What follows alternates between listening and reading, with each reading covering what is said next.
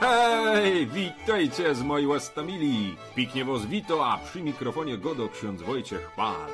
Pytam was piknie, posłuchajcie, z co nam Kościół dziś daje do łozwazynio, a przygrywoną piknie kapela Eśta ze Sopłetni.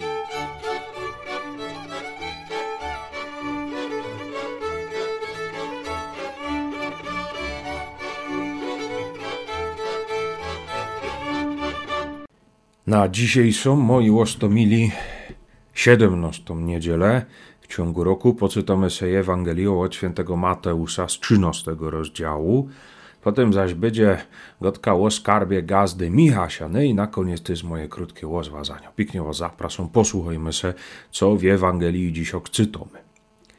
Jezus opowiedział tłumom taką przypowieść.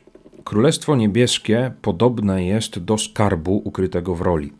Znalazł go pewien człowiek i ukrył ponownie.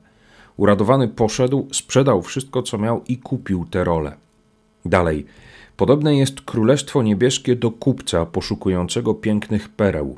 Gdy znalazł jedną drogocenną perłę, poszedł, sprzedał wszystko, co miał i kupił ją. Dalej, podobne jest Królestwo Niebieskie do sieci zarzuconej w morze i zagarniającej ryby wszelkiego rodzaju. Gdy się napełniła, wyciągnęli ją na brzegi i usiadłszy dobre, zebrali w naczynia, a złe odrzucili.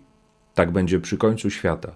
Wyjdą aniołowie, wyłączą złych spośród sprawiedliwych i wrzucą ich w piec rozpalony. Tam będzie płacz i zgrzytanie zębów. Zrozumieliście to wszystko? Odpowiedzieli mu tak. A on rzekł do nich – Dlatego każdy uczony w piśmie, który stał się uczniem Królestwa Niebieskiego, podobny jest do ojca rodziny, który ze swego skarbca wydobywa rzeczy nowe i stare.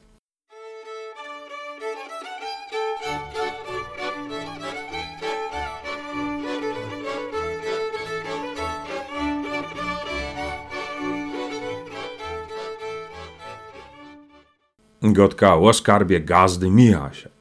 Wiecie, noseł kiesi gazda Michaś w lesie, hań na torfowiskach czurny dąb. Taki piękny kawałeczek pnia, co miał kilkaset lat, nazywają to polskim hebanem, no i w dodatku taki niespotykany, no bo jeszcze z gałęzieniami łotkonarów. No i postawił go se w chałupie, w izbie i przesiadywał przed nim wieczorami pykający fajeczkę. No i różni ludzie, wiecie, przychodzili do jego starej, ubogiej chałupy, co by podziwiali to znalezisko. A to sąsiedzi, a zaś rodzina. No i nie jeden te uczony z miasta przyjechał po tym, kiedy ich zaprosił miejscowy gajowy do Michasiowej chałupy.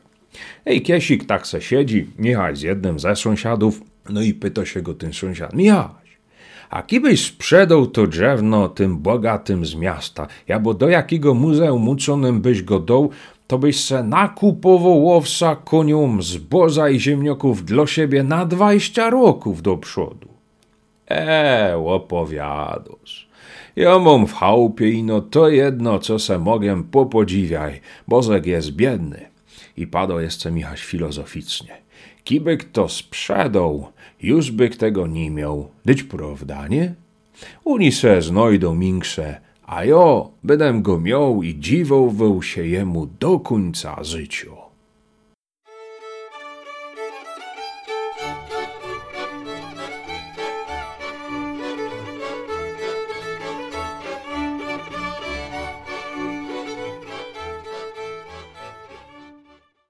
Tak sobie myślę, że warto usiąść przy tej przypowieści i uświadomić sobie, mam skarb.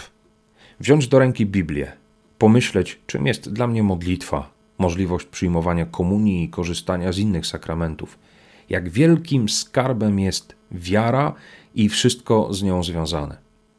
Bo chyba łatwo, zwłaszcza w codziennej gonitwie, jest odkładać skarby na półki i do sejfów, a przecież one są do podziwiania tak w ogóle, to dzisiejszy fragment najlepiej chyba zrozumieć, kiedy się przypatrzy podziwiającym, zachwycającym się ludziom w muzeach, starych kościołach czy na wystawach.